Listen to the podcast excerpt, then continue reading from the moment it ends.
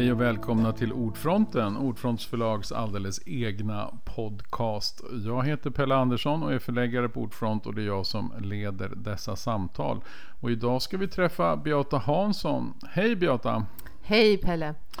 Du har tillsammans med Anna Sara Fire, som inte kan vara här idag, skrivit boken Drömmen om Tom Walter om romansbedrägerier, skam och längtan efter kärlek.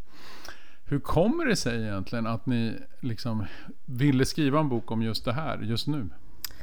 Eh, egentligen så handlar det om en närståendes historia som vi fick i våra knän eh, medan det pågick. Och det var ganska sårigt och hemskt. Och, eh, vi, vi följde det nära i realtid, men det, och det dröjde väl egentligen inte så länge innan vi kom på att vi ville skriva om det. Vi är ju skrivande personer båda två. Sånt som är jobbigt, det skriver man om. Mm. Och, eh, och det var så resan egentligen startade. Mm. Och då, när man, gör, när, man upp, när man får något sånt där i knät, vad händer med en då? Känner man, alltså, du sa att det tog ändå en liten stund innan ni bestämde för att skriva. Men när man ska skriva om det, känns det extra extra ansvarsfullt eller svårt? Eller hur, hur, hur tar man det när man är, kanske känner den man också ska skriva om på något vis? Eller vet vem det är? Det är jättesynd att inte Anna sa mm. det här idag, för hon fick den jobbiga mm. delen. Mm. Hon fick Iris-berättelsen. Mm. Som, eh, så, så, det var ett tufft uppdrag för henne tror jag, att, gesta mm. försöka gestalta den Iris vi tyckte oss se. Det är mm. ju en slags reportage, men det är ändå vissa saker får vi översätta efter vad vi själva tror. Mm. Eh, Medan jag som är en reporter, jag börjar ju intressera mig mer för eh, faktorerna bakom och vid mm. sidan av och eh, gjorde olika reportage. Jag mm. gjorde mitt jobb som reporter bara. Och är det något som ändå är speciellt svårt med den här typen av bedrägerier? Jag kan tänka mig det. Att det blir så mycket mer än bara bli av med liksom pengar eller ett hem eller vad man nu kan bli ja, snodd på i det här fallet. Alltså hur, hur, vad är det som drabbar en när man, när man blir bedragen på det här sättet? Alltså romansbedragen. Ja, det, det första som slog oss eh, eftersom vi märkte det själva också att det, det, det är förenat med mycket lögner och framförallt mycket skam Mm. Och mycket sorg och eh, starka känslor åt alla håll. Och det är ju alltid intressant att grotta i kan man ju tycka rent eh, men som litterärt material är det ju spännande. Ja, mm. nej men precis. Mm. Eh, det, det, det, kan man inte förneka att, att det är spännande. Men det är alltid spännande att undersöka kärleksmekanismer och, och lögnmekanismer tycker jag också är mm. spännande. Varför vi ljuger för varandra och men, men mest det här med kärleken och hur den kan bli så skamfull. Och när vi eh, då riktar in oss mot Iris så, så hon, ju, hon är ju inte ensam om att bli bedragen på det här viset. Men när man är en äldre kvinna så är man utsatt på flera sätt och vi märkte att det var ju en stor del av hennes eh, ångest att hon tyckte att hon var för gammal för att låta sig luras och hon var för gammal för att egentligen tro att hon skulle kunna bli uppvaktad. Och vi eh, som båda har läst Kerstin Thorvall utan och innan, vi, vi tycker ju det är ett intressant fenomen. Mm. När är man för gammal för att bli älskad? Liksom när är man för gammal för attraktion? Mm. Att det blev en intressant resa bara det. Mm. Och det här, då blir det väl också så att lögnerna även är egentligen kanske lika mycket hos den som blir bedragen som den här som ljuger för en, eller hur? Exakt, mm. Eh, eh, ja precis. Vi, vi pratade med en lögnforskare och då, då tittade vi nog ur båda perspektiven. Just lögnaren eh, som utsätter henne för det här brottet har ju vissa fördelar för den personen är ju ett annat land, liksom inte nåbar. Men den värsta lögnen är ju den som den här kvinnan sen gjorde mot sin nära omgivning. Mm. Liksom. Mm. Alltså det, när, hon, när hennes pengar var slut, mm. då började hon ju försöka låna pengar av sina barn som hade nyligen startat familjer båda två och allt det där. Eh, och då hittade hon på någonting om att banken hade eh, investerat hennes pengar. Ja, det blev en jättekonstig historia av det hela som blev otroligt sårig när de mm. upptäckte det. Det upptäckte de ganska direkt, mm. men, men eh, då förstod de hur långt det hade gått? Hur långt hur det hade, det var, Ja, precis. Liksom. Allting mm. uppdagades mm. ju då. Plus att de förstod att hon var beredd att sälja ut sina barn för, att, för sin egen eh, livslögn. Liksom. När, man, när man har hamnat sådär djupt in i den där livslögnen då. Vad, vad, är det vanligt? Hamnar man ofta där? Om ni har tittat lite mer generellt på det här. Är det så att man ofta ljuger svårt för sig själv? Eller är det väldigt olika? Är det vissa som bryter upp tidigt och tänker det här är bara en lögn, jag måste stoppa här? Eller hur, hur ser det ut? Hur hamnar man alltså, i det här? Och hur långt in hamnar man? Det är jättesvårt att se, mm. utan vi har ju mest sett eh, sen när vi har kontaktat andra eh, så har vi ju sett när det har gått för långt. Mm, och då har, då, när det har gått för långt så har det också det finns något mellanskede när lögnerna har burit fram människan eh, i sin tro och eh, när hon lurar sig själv så, så lurar hon ju även andra. Mm. Eh, så att lögnen är vikt, en, en viktig beståndsdel. Mm, och då tänker man ju också de här som sitter och ljuger. De, alltså den som då luras. Alltså som sitter utomlands och skapar den här illusionen av att det finns en kärlek någonstans. Den personen och de personerna. Det är väl väldigt vanligt att det är helt enkelt eh, alltså, industriell. Alltså, det här sitter människor alltså, som ett callcenter. Alltså, det, en, det finns en, en, en, mekanik här och en, ett system och en, en, ett manus att följa etc. etc. Men de, hur känner de då tror ni? Eh, där har vi ju bara andrahandsversioner ja, som mm. polisen har berättat för oss. Men att de ofta talar om de här kvinnorna som klienter, som kunder, som mm de säljer en vara till dem helt enkelt. De säljer kärlek och de tycker att de gör kvinnorna lyckliga. Och, eh, eh ja, de, de, de, eh, de rättfärdigar det på sitt de rättfärdigar. sätt. Det ja. Och det finns väl också någon, någon slags känsla av payback time. Vi här i väst har så mm. mycket pengar, vi kan gott dela med oss. Det, mm. det, kan jag tänka mig, men, men så är det absolut inte i alla fall tror jag.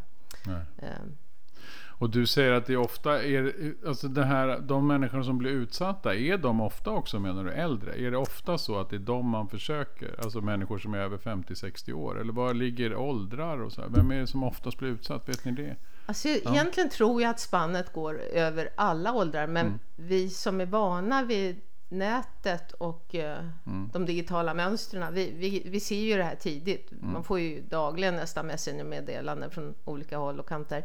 Men det är ju takt, tror jag i alla fall, med att man är mindre digitalt hemtam som, som det är lättare. Plus att det är en massa andra saker som händer när man mm. blir gammal. Man är ofta ensam mm. eh, och det är en ny miljö. Och eh, man, kan, man har tid över. Mm. Eh, det finns många små parametrar som kan göra en mottaglig. Mm. Nyfiken på vad som händer där ute på nätet mm. också. Fantastiskt att man kan prata med så många. Långt bort och allting ja. liksom. Ja. Och vad skulle du säga var, var det som, är det någonting som du tycker är extra utmärkande för just Iris-berättelsen som, som, som känns sådär mest drabbande eller svårt? Eller vad är det som gjorde att ni tycker att den historien är också så bra att skildra? Eh, egentligen så, det som, som jag tyckte var sorgligast, förutom att hon var en kvinna som egentligen aldrig har haft en god ekonomi. Hon, den här, han fick ju jackpot precis mm. när hon äntligen hade lite pengar så tog han dem av henne inom en väldigt kort tidsperiod. Men, men det hemska var nog egentligen det hon gjorde mot sina barn. Mm. Det, för att um, och ja, hon fortsatte ju sen. Eh, när, när de väl hade avslöjat honom så upptäckte de ju även att hon hade gått ut på nätet en, ändå och letat efter nya. Det tror jag inte vi har nämnt i boken. Men, mm. men, och det är väl ofta så att du kommer väl ihåg Violet, hon mm. som var med oss mm. Eh, och som Precis. finns med i boken. Hon blev ju lurad tre gånger. Den tredje gången först, då tog han pengarna. Men hon mm. tror att det är samma person alla tre gångerna. Mm. För hon ville inte ge upp. Nej. Och det är väl också en sån här grej som vi har fått poängterat och vill poängtera att, att vi får inte ge upp. Vi måste få lov att bli kära eller känna tillit till andra människor. Alltså det blir en hemsk värld om man inte ska våga tro på varandra. Och är det här då har hela den här industrin också blommat ut totalt när vi fick just eh, sociala medier och Facebook och Messenger? Att det är där det är så lätt? Eller är det här är det någonting som man kan liksom skönja att det här har funnits länge, länge, länge? Så alltså solo, det här är bara en modern form av solovårande på något sätt? Jo, mm. nej, men så är det nog många som mm. ser Eller mm. också just från polishåll att man börjar med den här solovårannonsen på 30-talet eller när det var. Mm. Och sen så har kanske det här har tagit sitt avstamp ur Nigeria-breven som kom på 90-talet kanske eller något och mm. som fortfarande kanske finns lite här och var. Men att de, de utvecklat en metod, eh, kanske ganska mycket nere i Västafrika, men det finns säkert överallt. Eh, och hur är mm. det liksom, vad är det som, vad, hur skulle du säga att det vanliga är att hur, hur nås man? Är det, är det det här vanliga att det kommer ett messengermeddelande från en person och sen så, uh, hur det är snabbt, jättevanligt. Så, så det gäller att liksom egentligen bara ignorera alla messengermeddelanden. Då skulle ja. man klara sig, eller? Uh, ja, ofta är det ju så och för nu, nu kanske inte jag är helt uppdaterad, men mm. det har ju varit så väldigt länge att, att de har varit militärer eller mm, läkare mm, eller någon form av uniformsyrken och det är i stort sett samma manus alla verkar följa. Mm. Och de, eh, då finns det ju vissa grejer man, man kan hålla utkik över och liksom om de är enklingar som jobbar i Afghanistan och eh, snart eh, ska eh, försvinna därifrån fronten där de gör bragd, bragdsaker. Mm. Då, då, då kan man dra öronen åt sig. För att även som, som i Violets fall till exempel, han frågade ju aldrig någon gång efter pengar. Däremot skulle han ju flytta till Sverige mm. och hon eh, fick betala massa tullavgifter för hans eh, möbler som blev fast någonstans. De, de, de hittar på så konstiga historier. Ja, det är aldrig ett direkt frågande nej, efter nej, en precis. summa. Kan du skicka 10 000? Utan det, är... det, det, det, finns många omvägar som gör att man, blir, att man um, går vilse i uh, snacket. För att de, de har ju sån tät dialog också. De pratar ju så mycket med varandra så att man hinner ju aldrig lufta sin oro eller funderingar med någon annan människa utan man pratar bara med den här personen dygnet runt nästan. Ofta är det flera personer som så att det blir som en liten bubbla eh, för de här eh, kvinnorna. Som det så det påminner egentligen också om ett helt vanligt liksom, misshandelsförhållande ja, kan man det, säga. Där man blir ja. liksom avskärmad. Man ska helst inte hinna prata med Nej, någon runt och det är vi två mot världen. Ja. Eh, det är ofta så. De, de, andra kommer inte förstå det speciella vi har. Och, och det, kan, det kan låta ganska fint att bli inkapslad i någon slags tvåsamhet där när man är så tajt med en annan människa och, eh, och som någon kvinna sa att, att eh, det är klart att när man har en bästa vän då hjälper man den om det blir problem. Det är inget konstigt. Så att eh, eh liksom inledningshjälpen är ju ofta känns väldigt bra att få hjälpa den som man står så nära. Mm. Och det där att man blir den där, hamnar i den där bubblan, det påminner ju också om en helt vanlig förälskelse. Eller ja. Alltså den ja, är väl oftast ja, helt avskild och allting mm. blir ju som man känner igen det kanske från när man, var för, när man har varit förälskad. Alltså då, alltså Det här är ju också en slags riktig förälskelse förstås. Men det, det, allt, alla kort är på ett sätt lika en vanlig förälskelse också. Förutom att man kanske blir mer isolerad. Vi intervjuar ju en sexolog som pratar om förälskelse som ett psykostillstånd. Mm. Och, eh, och sen har vi ju en biolog som berättar varför konsekvenstänket avtar när vi når det här mm. psykostillståndet. Det var också jättespännande att faktiskt att vila sina känslor i, i folk som pratar om det på ett mer eh, kliniskt sätt, liksom mm. vad som händer med oss. Att det, eh, vi är ändå bara människor. Mm. Det kanske också skulle vara rimligt i vanliga förälskelserelationer att ta ett steg tillbaka ibland och ja. fundera över vad som faktiskt ja. händer. Om man vill det. Man vill ju ofta inte det. Nej. Eh, och, och många har ju också pratat om det, även fast de inser att de är lurade, att de saknar den förälskelsen de hade. De saknar det de hade ihop. Den som de kunde prata med hela mm. nätterna. Liksom. Så att vi, det är klart vi behöver, vi behöver bli eh, vi behöver bli den viktigaste personen i någon annans liv. Vi alla behöver det tror jag. Mm. Och blir det här vanligare också, inte bara på grund av sociala medier utan också för att det sprider sig en slags ensamhet i världen? tror du? Alltså, det kan man ju nästan ana, att vi blir mer och mer ensamma samtidigt som det här ökar. Ja, svårt att säga. För att mm. upplevd ensamhet är ju inte alltid detsamma som faktisk ensamhet. Så man, om man mm. pratar om äldre personer till exempel så tror man ju att vi svenska äldre människor är så ensamma.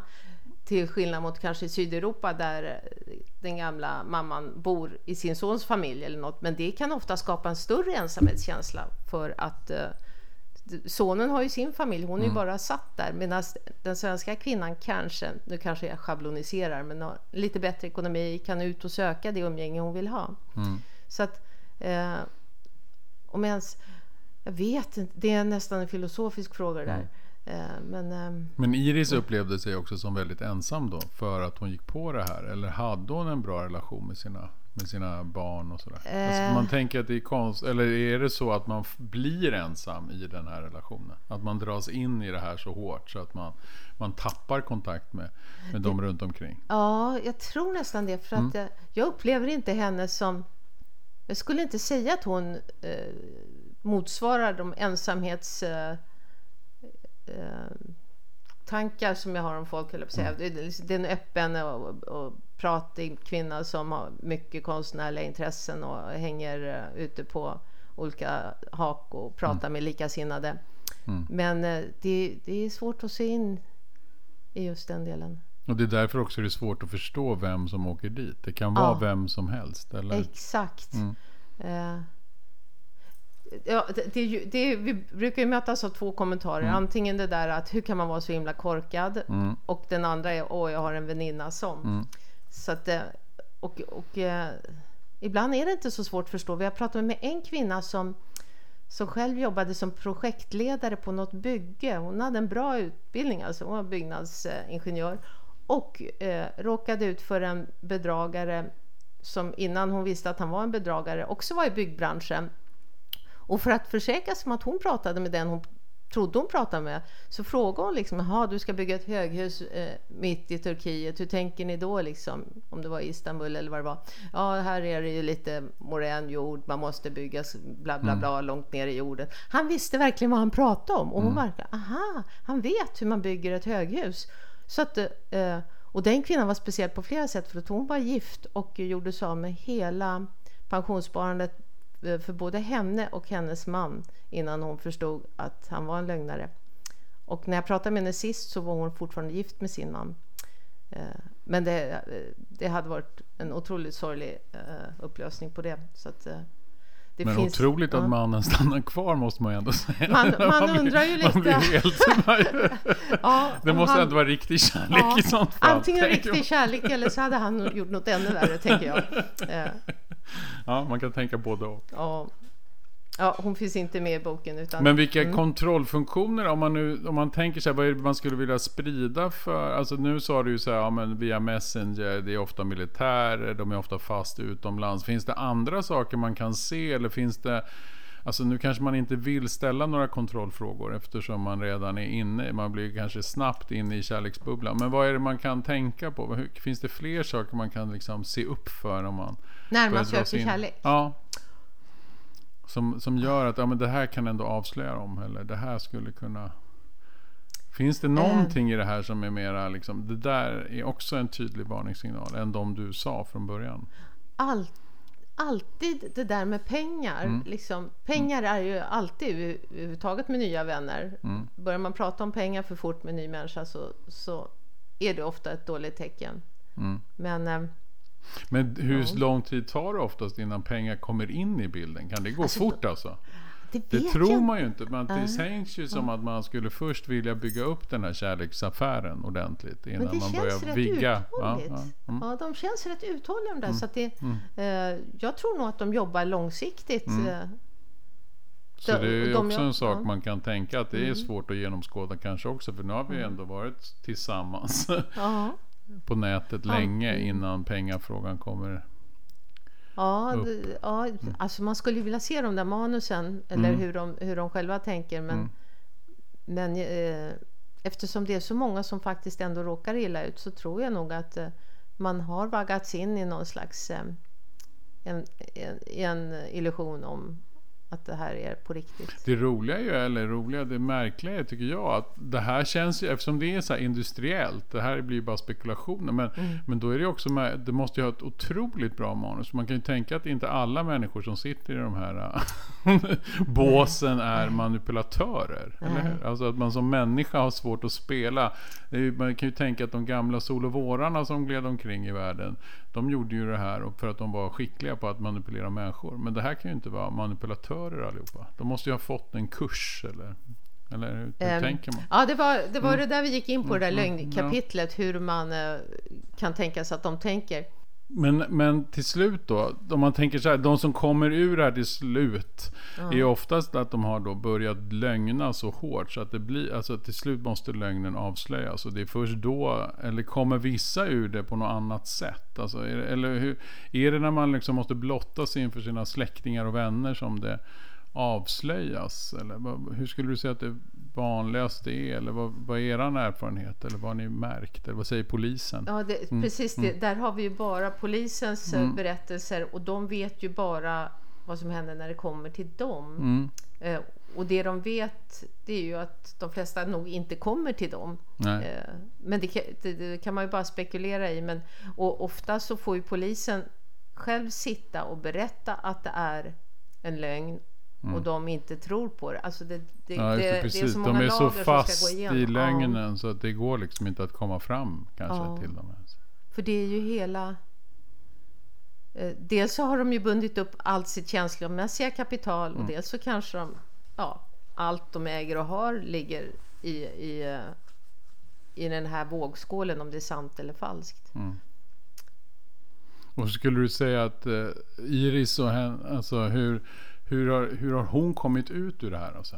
Hur, alltså, hur känns det för henne nu? Är det en människa som är helt förstörd? Eller hur skulle du Inte säga? helt Nej. förstörd. Hon har kontakt med barn och barnbarn och, eh, och men hon nu är hon kanske 78. Hon levde ju fem år under Kronofogdens klor när, Mm. när hennes barn fick försörja henne.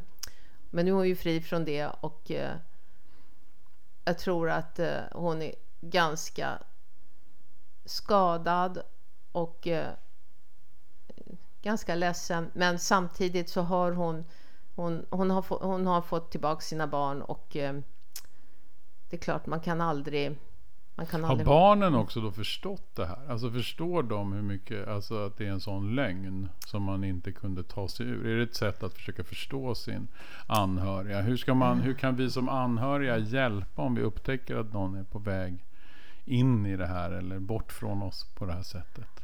Eller märker man inte det ens? Nej, alltså, jag har ju hunnit få den här frågan Ja. några gånger hur man från, som anhörig ska tänka och det är väl kanske att vi ska kanske vara mer nyfikna på varandra. Och det, alltså det kan man ju, om man är lite nyfiken på en annan person så märker man ju ganska lätt om en person är förälskad. Det är svårt att dölja. Eh, eller när, när, folk, när folk liksom frångår sina mönster. Eh, samtidigt som som barn så unnar man väl sina föräldrar Fast det, kan, det gör de inte heller alltid. Eh, Det har, också polisen sagt. Liksom, att barnen kan vara ganska eh, småaktiga, eller inte småaktiga kanske, men oroliga i överkant liksom, för att eh, mamma har skaffat sig en ny, hur kan hon det vid gamla dagar? Att de ser det som ett hot mot, eh, mot si- sin familj kanske. Så det är inte alltid man ska eh, lita på sina barn kanske. Mm, Och, där, och det är ju där vi kommer in på samhällssynen lite Mm. grann.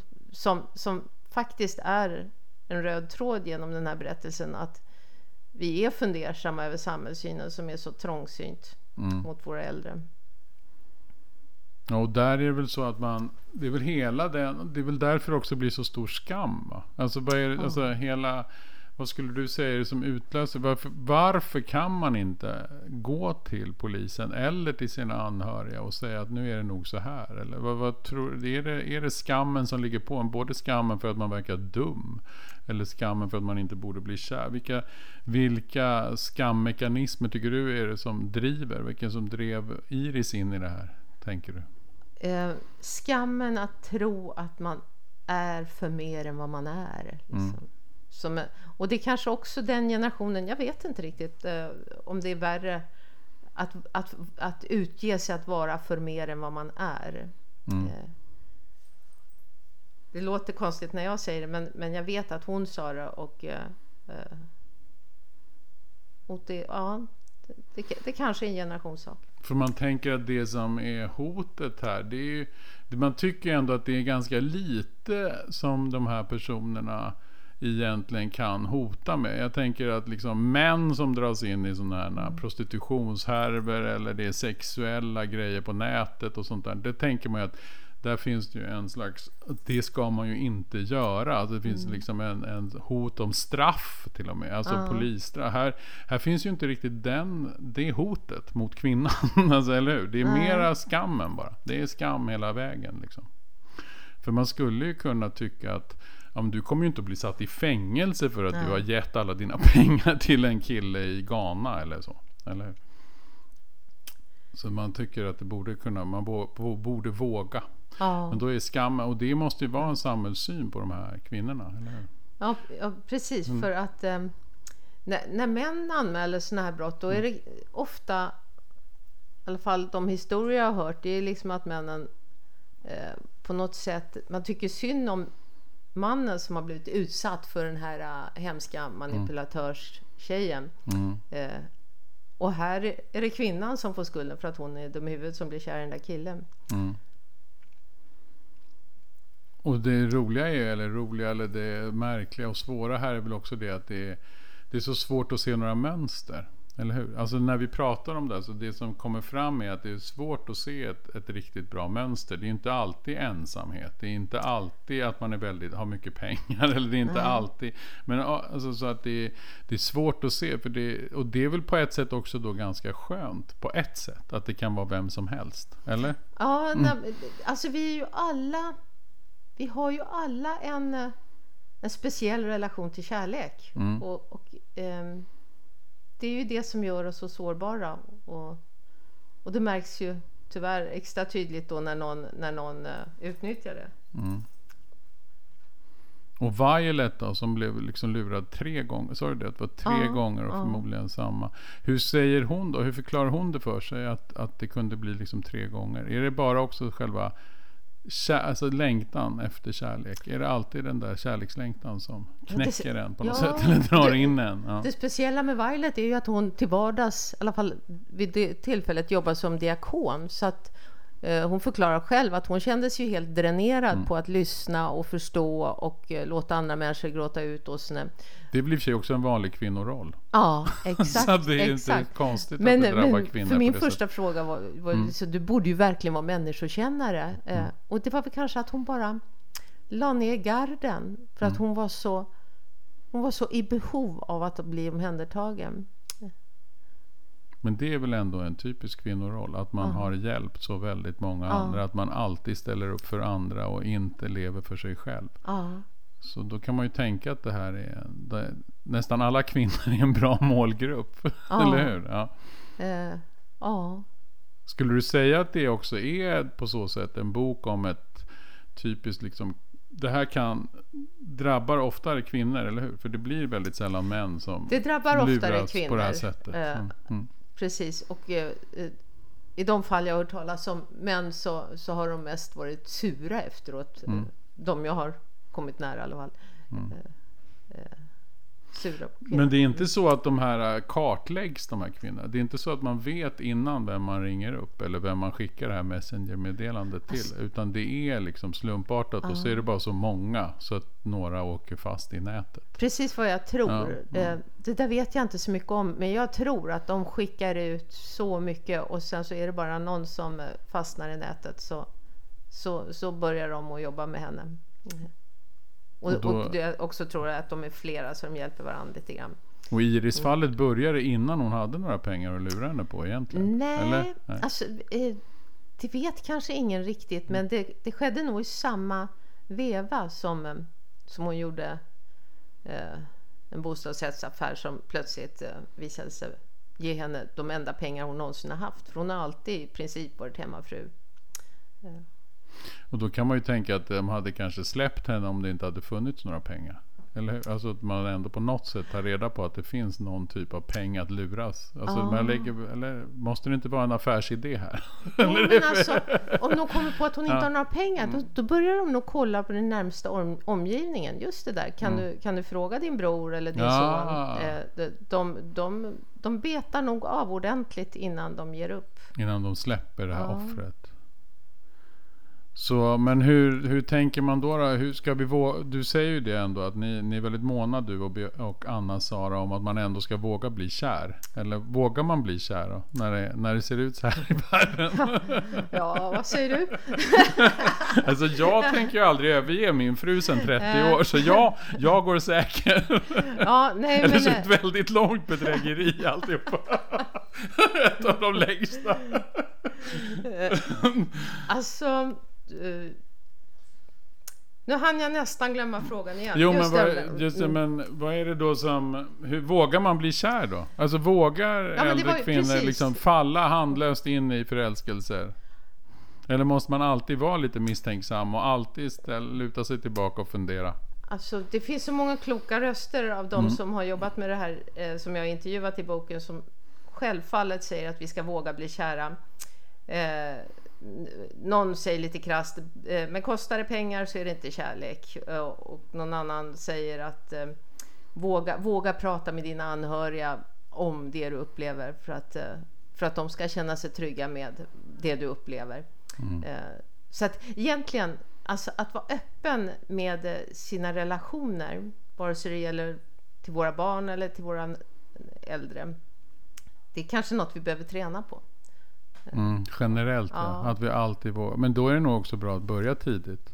Att alltid prata med sina barn och anhöriga om, om kärlek och om relationer. Så att man Ja. känner att man är trygg att berätta om det. Har man lärt sina barn det så kanske man vågar själv. Att berätta för sina barn sen. När det är sen- dags. Ja, nej men precis. Och så skulle man kanske önska just att, eh, att det var mindre tabun just kring kärlek och vem, vem som får känna åtrå och till vad och vem. Eh, det är en stor bok det här. Mm, jag märker det. jo men det var väl ett jättefint, en fin avrundning faktiskt. Att man, får, att, att man ska skala bort det där, alla fördomar om vem som får vara kär och vem som får känna åtrå. För det är väl också en, en grundtanke i boken hela tiden. Mm. Tack så hemskt mycket Beata Hansson för att du kom till Ordfronten och berättade om drömmen om Tom Walter, om romansbedrägerier, skam och längtan efter kärlek. En bok som du har skrivit ihop med Anna-Sara Fire. Tack ska du ha Pelle. Tack, för tack. att ni tog emot mig. Tack! Det var allt för Ordfronten för den här gången och vi återkommer snart med nya avsnitt där vi avhandlar nya spännande ämnen. Ha det så bra, hej då!